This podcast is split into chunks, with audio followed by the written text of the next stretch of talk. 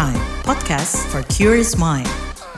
Hai Sapieners, Hai hai again. Eh kayaknya nostalgia asik ya bun ya. tumben banget nih kalau mau mengenang-mengenang masa lalu. Duh masa lalu kan gak selamanya menyedihkan ya bun. Hmm, tapi BTW nih ya, gue jadi keinget deh kenangan gue di umur 15 tahun tuh. Gue kayaknya baru pertama kali pacaran apa ya. Tapi kalau lu ngapain Bon 15 tahun? 15 tahun itu kita berarti kelas 3 SMP ya. Itu gue kayaknya lagi gila-gilanya As FM. dulu ada sebuah social media namanya As FM. Terus dulu tuh gue lagi galau banget bun. Karena satu keluarga gue berharap gue ngambil IPA tapi gue pengennya ngambil IPS. Jadi dulu galaunya itu ya, Sapieners ya. Bukan antar cowok gitu, tapi antar jurusan. Wow, luar biasa ya. Hmm. Tapi ngomong-ngomong soal 15 tahun nih, ini salah satu alumni SMA Negeri 1 Cilengsi, namanya Diah Ayu Ardana Reswari yang usianya 15 tahun nih, berhasil lolos di Fakultas Kedokteran Universitas Indonesia UI Bun lewat jalur seleksi nasional berbasis tes SNBT. Tuh. Wow, so proud gitu dengernya ya, apalagi ibunya gitu. Tapi ini pasti Doi ngambil ini kan, em, program akselerasi ya nggak sih? Lah ya. And guess what? Tahu nggak sih kalau dia tuh udah masuk SD umur 4 tahun, Bun. 4 tahun 10 bulan. Demi apa sih? Gue kayak 4 tahun baru belajar megang pensil deh. Tapi on the other hand nih, ada sebuah kisah lain gitu yang lagi rame di medsos juga. Seorang anak umur 15 tahun yang malah udah punya satu anak loh. Hmm, well, personally menurut gue punya anak tuh definitely a huge responsibility ya nggak sih? Tapi sayangnya nih kita belum tahu sih backgroundnya si konten anak itu seperti apa gitu ya. Tapi masih usia anak, 막 udah punya anak itu gimana ya? Ini kayak ngepas banget gak sih Bun lagi sama data terbaru dari Badan Kependudukan dan Keluarga Berencana Nasional BKKBN yang menunjukkan kalau ada 50 ribu anak di Indonesia yang hamil dan punya anak. Nah hal ini menurut BKKBN tuh terjadi karena kurangnya pendidikan seks sejak dini. Tapi mungkin emang karena masih dianggap tabu ya. Gue ingat banget juga dulu selama gue sekolah, um, sex educationnya tuh instead of ngajarin soal misalnya penggunaan pengaman, justru tuh sex education tuh lebih menekankan kalau itu hal yang berdosa. Paham gak sih? Jadi kan kayak it's a whole different point kan sebenarnya. Padahal pendidikan seks ini penting banget untuk mencegah dampak di masa depan, khususnya buat si anak gitu. Kehamilan pada anak kan ini juga pastinya berdampak pada kesiapan anak, baik secara fisik maupun mental. Nah, gue setuju banget tuh. Anyway, kamu lagi dengerin FOMO Sapiens dari KBR Prime, jalan pintas yang gak bakal bikin kamu ketinggalan berita atau peristiwa di sekitar kamu. Saya Aika. Dan saya Ian Hugen.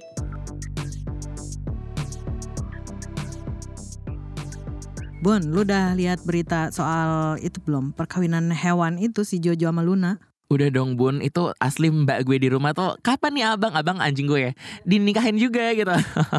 Ini gue kaget banget sih pas tahu budget yang dikeluarin buat pernikahan si Dogo itu 200 jeti bun. Demi apa sih buset, ini buat pernikahan manusia aja tuh bisa kali ya, kurang dari itu modalnya. Ini definisi orang kaya gabut gak sih? Tapi kalau ngomongin soal nikah dan seputar hubungan ya, relationship, lo pernah gak sih menjalin hubungan sama yang beda iman, beda agama, kepercayaan gitu? Kebetulan beda iman adalah fetish saya. Jadi makin beda makin tertantang gitu kitanya ya. Kalau gimana? Sudah mencoba beberapa kali. Kalau katanya ini, gue selalu megang kata-katanya Marcel nih kan. Kan Tuhan memang satu kita yang tak sama asik. Tapi dari lo sendiri nih, kepikiran gak sih buat ngejalin hubungan yang lebih serius gitu? Atau ke sampai ke jenjang pernikahan sama yang beda agama gitu? Aduh kok ini tumbenan ya, FOMO Sapien agak personal gitu. Jatuhnya podcast lifestyle nih. Tapi anyway kalau gue sih sebenarnya I don't see religion as a boundaries ya. Dalam artian kayak ya udahlah itu kan kepercayaan masing-masing. Semua orang punya beliefnya ya kalau emang sama-sama cinta dan kebetulan jodohnya punya belief yang berseberangan menurut gue pribadi ya masih sah-sah aja gitu. Tapi kalau sendiri gimana? Itu juga bukan jadi hal yang utama banget sih karena sama yang di pernikahan yang sebelumnya gue pernah juga dengan yang berbeda agama gitu. Tapi uh, apa ya tema kita kali ini tuh kayak sesuatu yang mungkin jadi perlu jadi perhatian kita bareng gitu karena nyangkut soal pernikahan beda agama ini baru-baru nih Mahkamah Agung kan ngelarang semua pengadilan mencatatkan pernikahan beda agama. No. Loh, bukannya baru bulan lalu ya si Pengadilan Negeri Jakarta Pusat memperbolehkan pernikahan beda agama itu?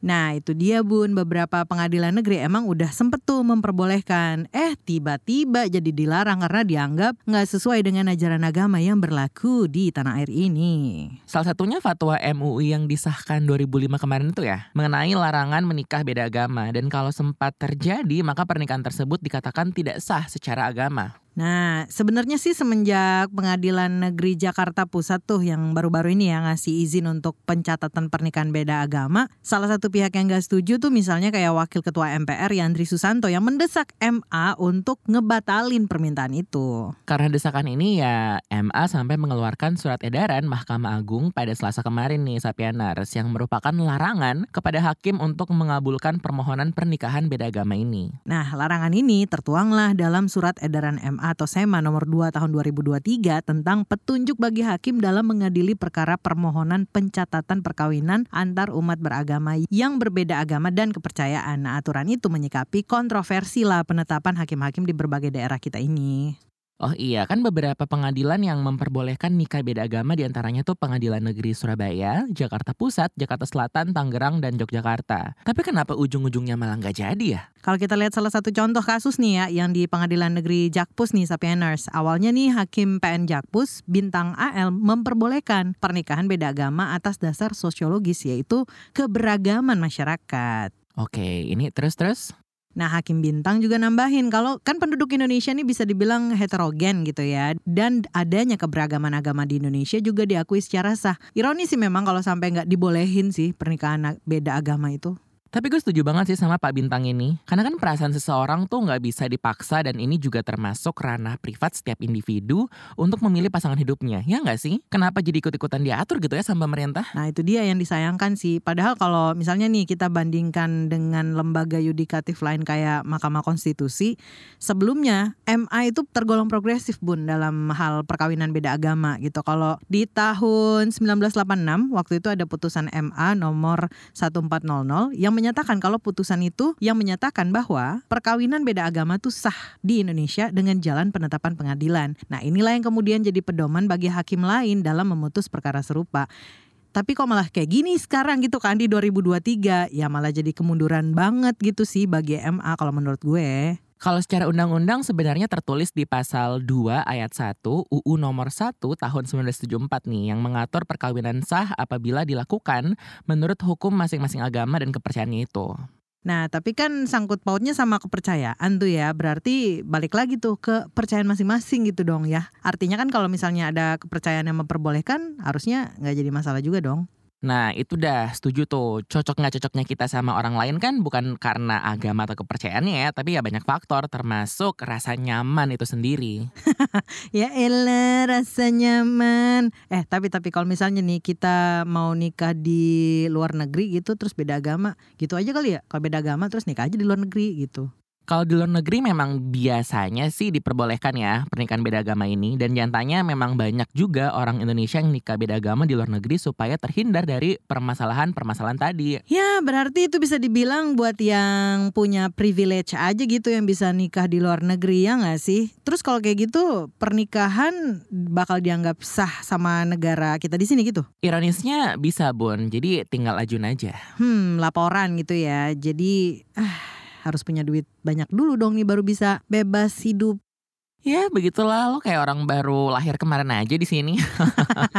eh tapi bun, lu setuju gak nih dengan nikah beda agama ini? Atau kalau dari lo memang harus yang ya udah deh kita seragam aja gitu? Kayaknya seperti jawaban gue di opening tadi ya. Love is never about the religion, it's about the feeling itself. Jadi ya kita kan gak bisa milih gitu. Kita mau jatuh cinta sama orang apa dan gimana. Kalau kebetulan perasaan itu muncul di orang yang beda agama Ya ya udah. Itu itu personal opinion gue. Kalau sendiri gue sih sama persis kayak lo ya. Jadi kayak itu poin yang kesekian lah kayak ya minim minim banget lah gitu. Nggak nggak sampai mikirin ke sana juga kalau gue.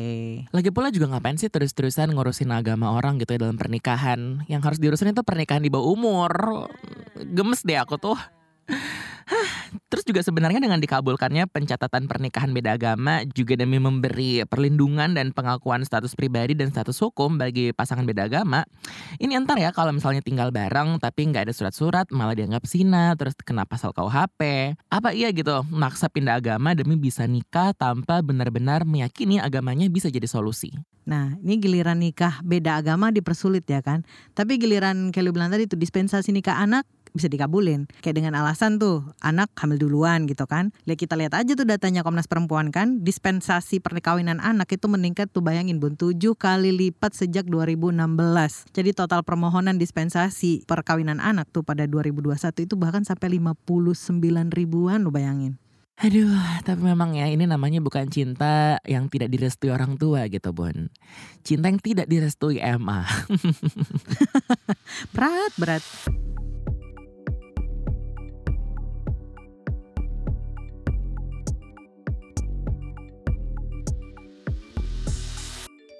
Oke, ini ada tantangan nyanyi lagu barunya Slang. Sapieners. Gimana sih, boleh, boleh duet aja gak sih kita pun? Polisi yang baik hati. Senyum ramah manusiawi, masa? lanjut deh, lanjut, lanjut, lanjut. Hmm, ini akhirnya terwujud juga kan keinginan lo kan, pakai nyanyi-nyanyi lagi. Kemarin kayaknya lu sempat nanyain deh. Tapi itu lagu lagu favorit baru lu dong berarti? Ini gue lebih kayak FOMO aja sih. Ini kan lagu barunya Slang nih. Jadi kado buat HUT ke-77 Polri kemarin, Bon. Alah, itu toh lagu yang bikin warganet pada ribut tuh pas dibawain live 1 Juli yang lalu. Liriknya emang indah begitu beneran pujian apa satir? Ya berhubung gue belum gabung sama slang ya. gue jadi belum bisa jawab nih Bon Tapi siapa sih yang gak pengen polisi itu baik hati terus jadi sahabat yang dicintai Teman yang menyemangati Ini kan sebenarnya impian kita semua nih Sapieners Amin. Tapi ini gara-gara lagu itu ya, malah slang yang dipertanyakan tuh sama netizen, utamanya slankers kan. Secara kita tahu lah tahun 1983 dibentuk, slang udah terkenal banget tuh. Sering kali mengkritik pemerintah lewat lirik-lirik lagunya, khususnya pas zamannya Orde Baru. Sayangnya soal lagu itu tadi belum denger sih komennya slang kayak gimana gitu. Kayak di channel YouTube-nya itu aja kan comment sectionnya dimatiin kan. Yang bikin lagu kan Bim Bim tuh. Mungkin beliau lagi sibuk ya Beb abis ini loh wisudaan anaknya di Inggris. Mungkin lagi family time dulu kali ya. Hmm, stalker banget nih ceritanya. Aduh, slanker bukan stalker, slanker. Oke, okay, fine. BTW ini gue ngeliatnya sih kalau lagu tadi tuh sebagai cita-cita sama harapan yang baik lah ya buat lembaga penegak hukum yang satu itu. Kayak semacam apa? A birthday wish gitulah. Kan baru abis ultah tuh satu Juli ya kan. Lo ada mau make a wish apa nih buat Polri? Hmm, apa ya? Mungkin lebih kayak semoga bisa menjalankan tugasnya sesuai dengan amanah yang seharusnya saja deh gitu. Nggak muluk-muluk kok itu aja. Kalau sendiri? Kalau gue sih pengennya sih apa ya ada reformasi, ada pembenahan bersih-bersih tuh di tubuh kepolisian ya kan dari kapan tahu kan itu? Bener-bener sih paling serius ya. Emang boleh seserius itu? Ini siapa sih yang bikin skripnya kalau boleh tahu? Tapi ini sebenarnya kata reformasi di lembaga Polri itu tuh udah dari kapan gitu sebenarnya. Sampai terngiang-ngiang di pikiran gue, udah sampai mana sih sejauh ini gitu? Nah kalau kita lihat nih dari hasil surveinya lembaga indikator itu menunjukkan memang tingkat kepercayaan masyarakat terhadap Polri ini meningkat ke 76,4 persen pada Juni lalu. Tingkat kepercayaan ini adalah yang tertinggi bayangin nih sampai sejak periode yang sama tahun lalu sebelum kasusnya Verdi Sambo tuh muncul tuh ke publik. Tapi kan di sisi lain nih masih ada gitu kasus-kasus yang melibatkan anggota Polri. Yang paling disorot publik kan memang kasus pembunuhan, misalnya kayak kasus Sambo kemarin, lalu juga narkoba, contoh kasus Teddy Minahasa, sampai kasus kekerasan. Kayak yang baru pekan ini rame itu loh soal meninggalnya Oka, salah satu satu tahanan di Polresta Banyumas diduga tewas disiksa polisi. Terus juga empat orang polisi jadi tersangka kan tuh. Nah ini nih kultur kekerasan ini nih udah jadi salah satu masalah nggak sih di lembaga itu emang kalau lihat catatannya kontras sepanjang Juli 2022 sampai Juni bulan lalu tuh ada 600-an peristiwa kekerasan yang melibatkan anggota Polri dan sebanyak 46 kasus di antaranya itu mengenai penangkapan sewenang-wenang. Sama ini juga nih yang baru kesorot awal pekan ini anggota Polsek dan Pasar Barat dihukum push up 50 kali karena menolak laporan korban pencopetan tapi malah asik ngebir bon. Aduh sumpah tapi emang gak luput gitu ya dari kasus yang melibatkan petinggi sampai ke bawah loh. Ini susah banget apa gimana ya kudu ngerombak internal lembaga penegak hukum ini. Nah makanya ini lebih asik kalau kita ngebahasnya bareng nih sama pengamat kepolisian dari Institute for Security and Strategic Studies, ISIS, Bambang Rukminto kasus meninggalnya tahanan Polresta Banyumas ini kan diduga karena disiksa kepolisian kan lagi jadi sorotan publik banget nih. Nah, tanggapannya nih kalau dari Pak Bambang gimana nih? Ya, cara-cara seperti itu kan menunjukkan kepolisian itu masih menggunakan cara-cara lama itu dalam upaya penyelidikan. Pengakuan saksi itu kan sebenarnya atau eh, pengakuan pelaku itu kan nomor sekian gitu, dibandingkan bukti-bukti yang lain gitu. Dengan mengupayakan penyiksaan itu salah satunya kan untuk memintai keterangan pelaku biasanya seperti itu. Dan pola-pola itu sebenarnya di kepolisian modern itu sudah ditinggalkan gitu. Tetapi ini kan sering kali terjadi. Artinya memang perlu revolusi mental kawan-kawan penyidik itu bahwa cara-cara seperti itu sudah harus ditinggalkan seperti itu saja di ulang tahun ke-77 kemarin ini kan kita kembali lagi mendengar nih seputaran reformasi internal Polri. Ini tuh wacana kan udah kita dengar dari kapan tahun ya udah bukan hal yang baru gitu. Memangnya sesusah itu ya untuk mencapai reformasi internal Polri itu sendiri? Saya melihat bahwa sepertinya harus dievaluasi ya terkait dengan reformasi kepolisian itu. Reformasi kepolisian kan sebagai salah satu amanat reformasi 98 ketika polisi dipisahkan dari TNI gitu, setelah keluar dari ABRI. Dan sampai sekarang hampir 25 tahun pasca reformasi 98 dan kemudian pemisahan TNI Polri itu kan tahun 99 dan kemudian disusul dengan terbentuknya Undang-Undang 2 tahun 2002 tentang Kepolisian Negara Republik Indonesia.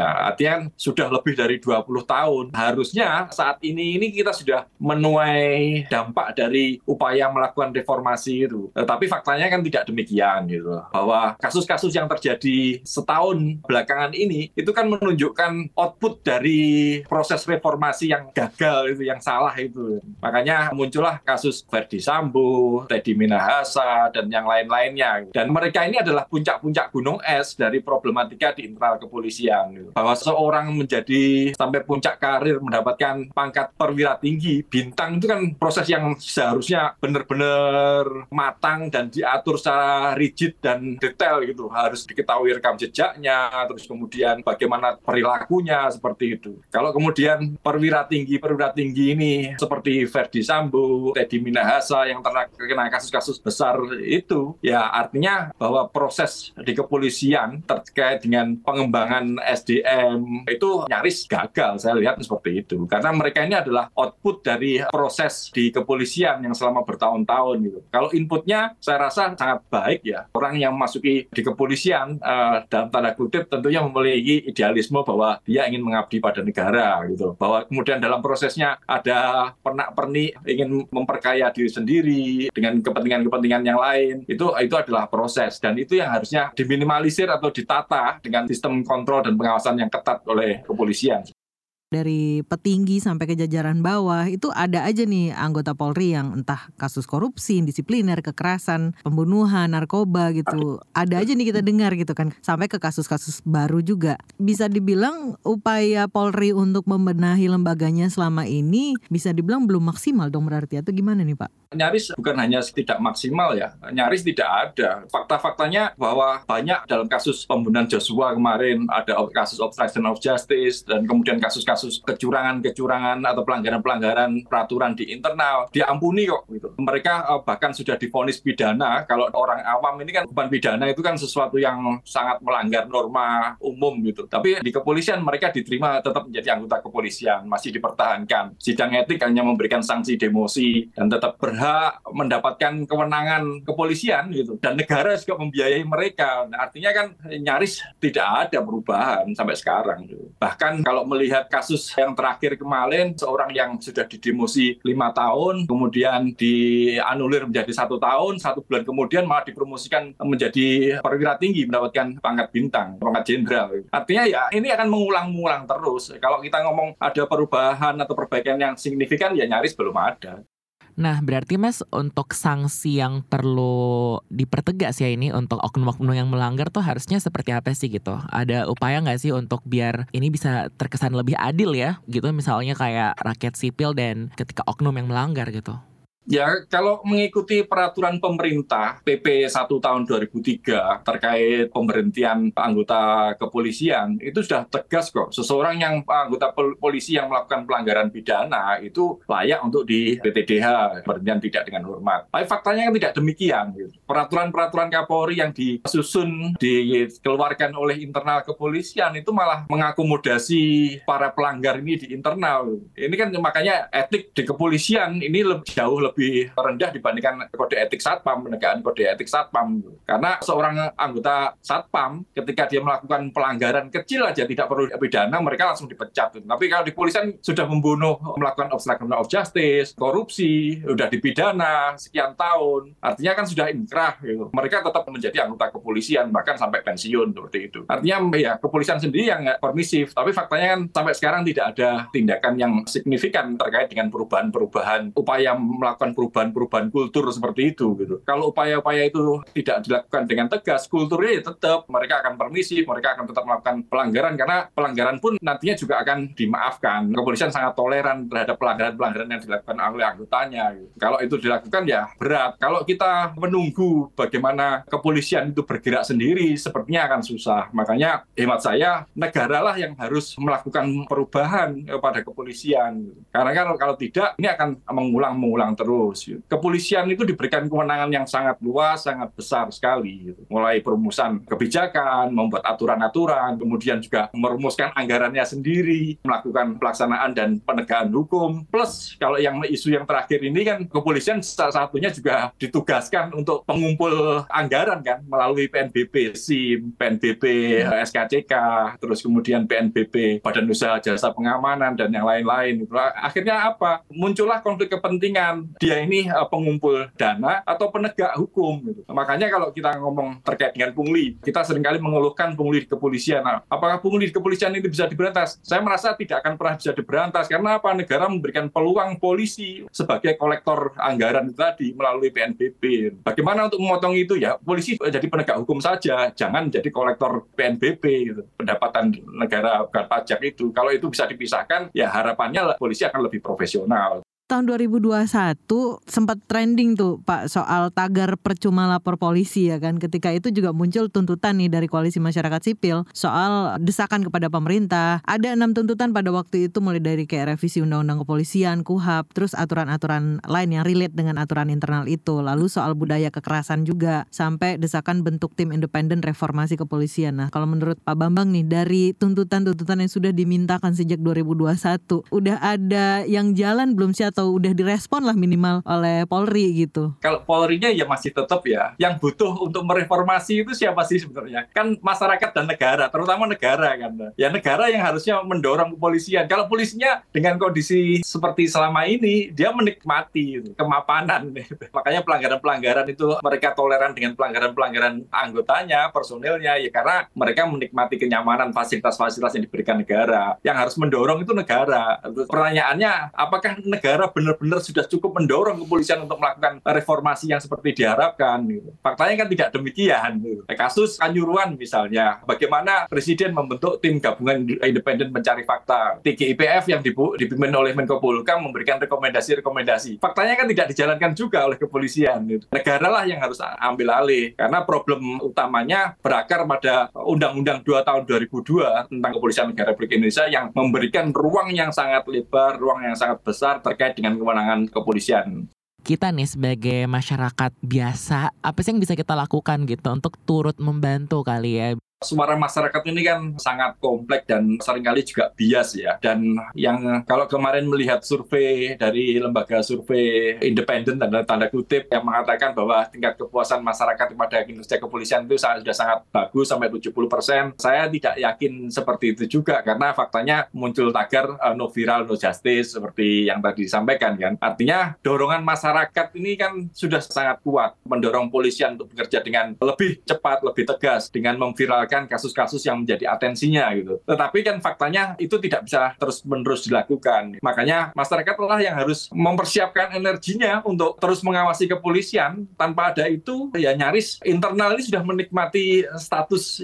yang mapan itu. Suara-suara kritis dianggap mengganggu. Makanya lagi-lagi masyarakat sekarang sudah berubah dan cara mendorongnya ya melalui kanal saluran-saluran yang ada ya. Salah satunya ya no viral no justice itu.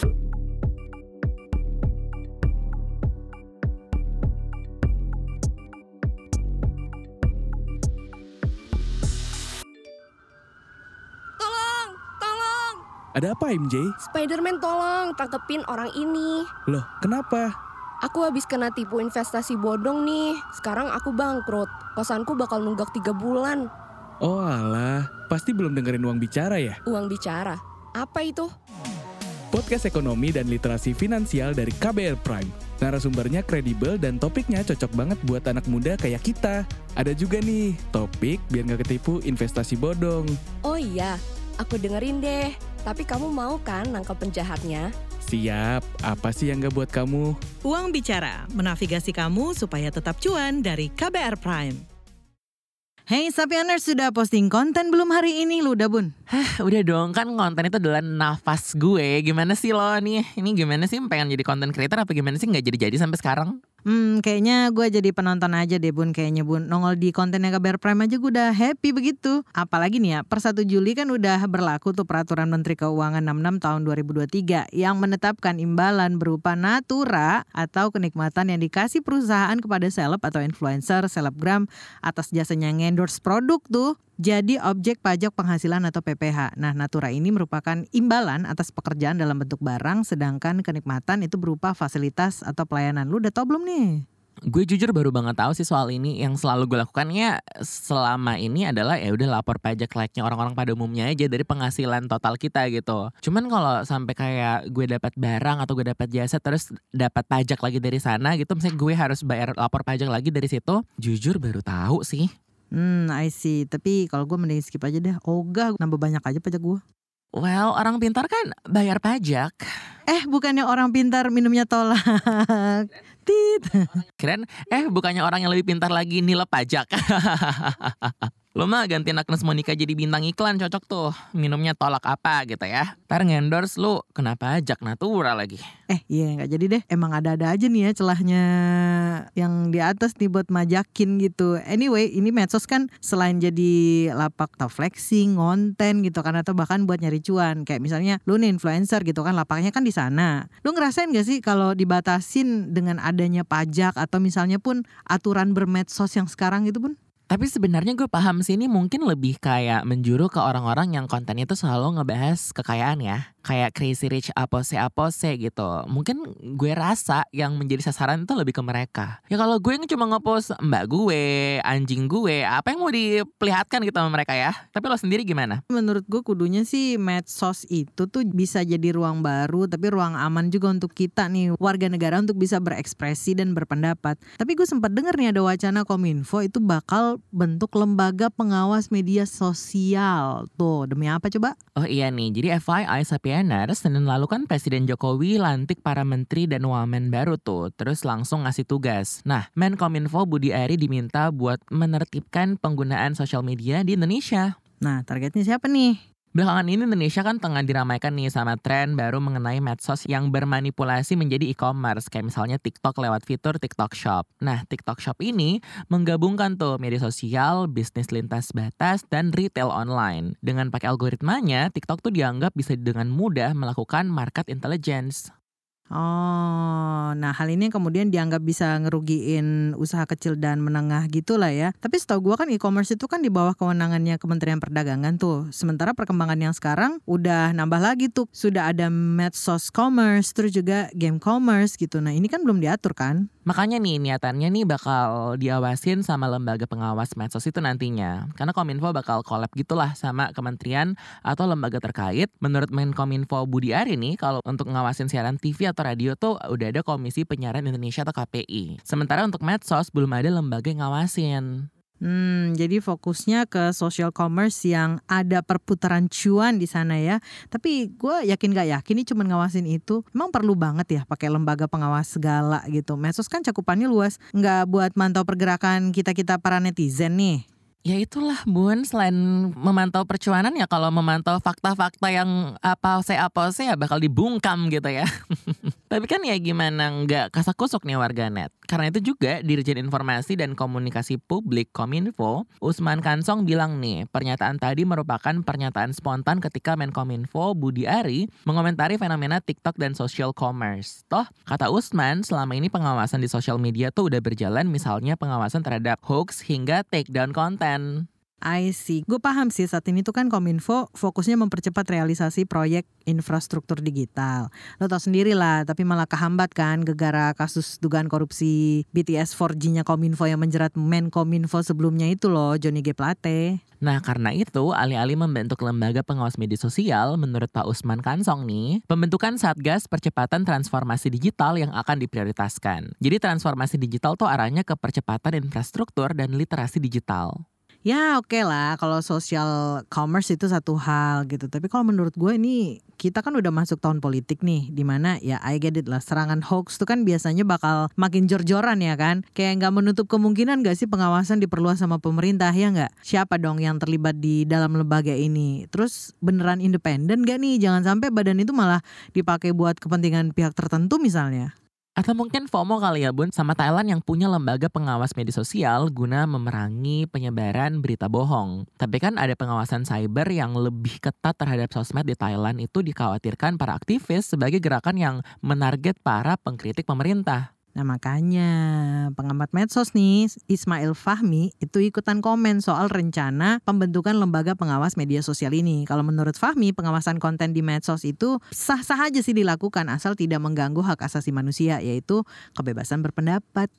Sepakat, sepakat kalau itu.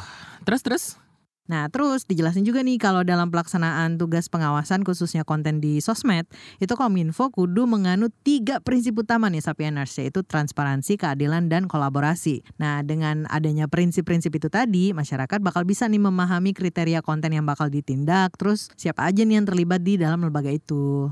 Nah, timnya kan bisa collab deh tuh ya dengan melibatkan berbagai pihak dari pemerintah, masyarakat umum, pakar, hingga akademisi. Ini kudu berintegritas semua nih, biar nggak gampang goyah mau dicawe-cawe kepentingan tertentu, semisal jelang ini nih pemilu 2024. Ya kan tuh Sapieners? Setuju banget gue. Ini kudu banyak banget ya kan pertimbangannya gitu. Eh bun, tapi daripada bikin lembaga pengawas medsos, gimana kalau mending Kominfo bentuk lembaga pengawas perlindungan data pribadi gitu?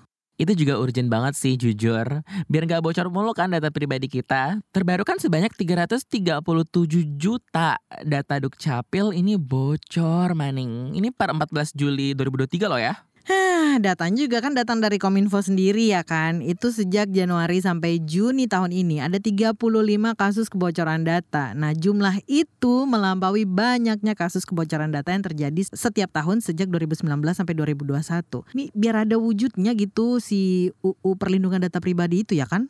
Yes, jadi gimana nih Sapieners, setuju nggak? Itu dulu buat pekan ini saya Aika. Dan saya Ian Hogan, sampai ketemu pekan depan. Bye.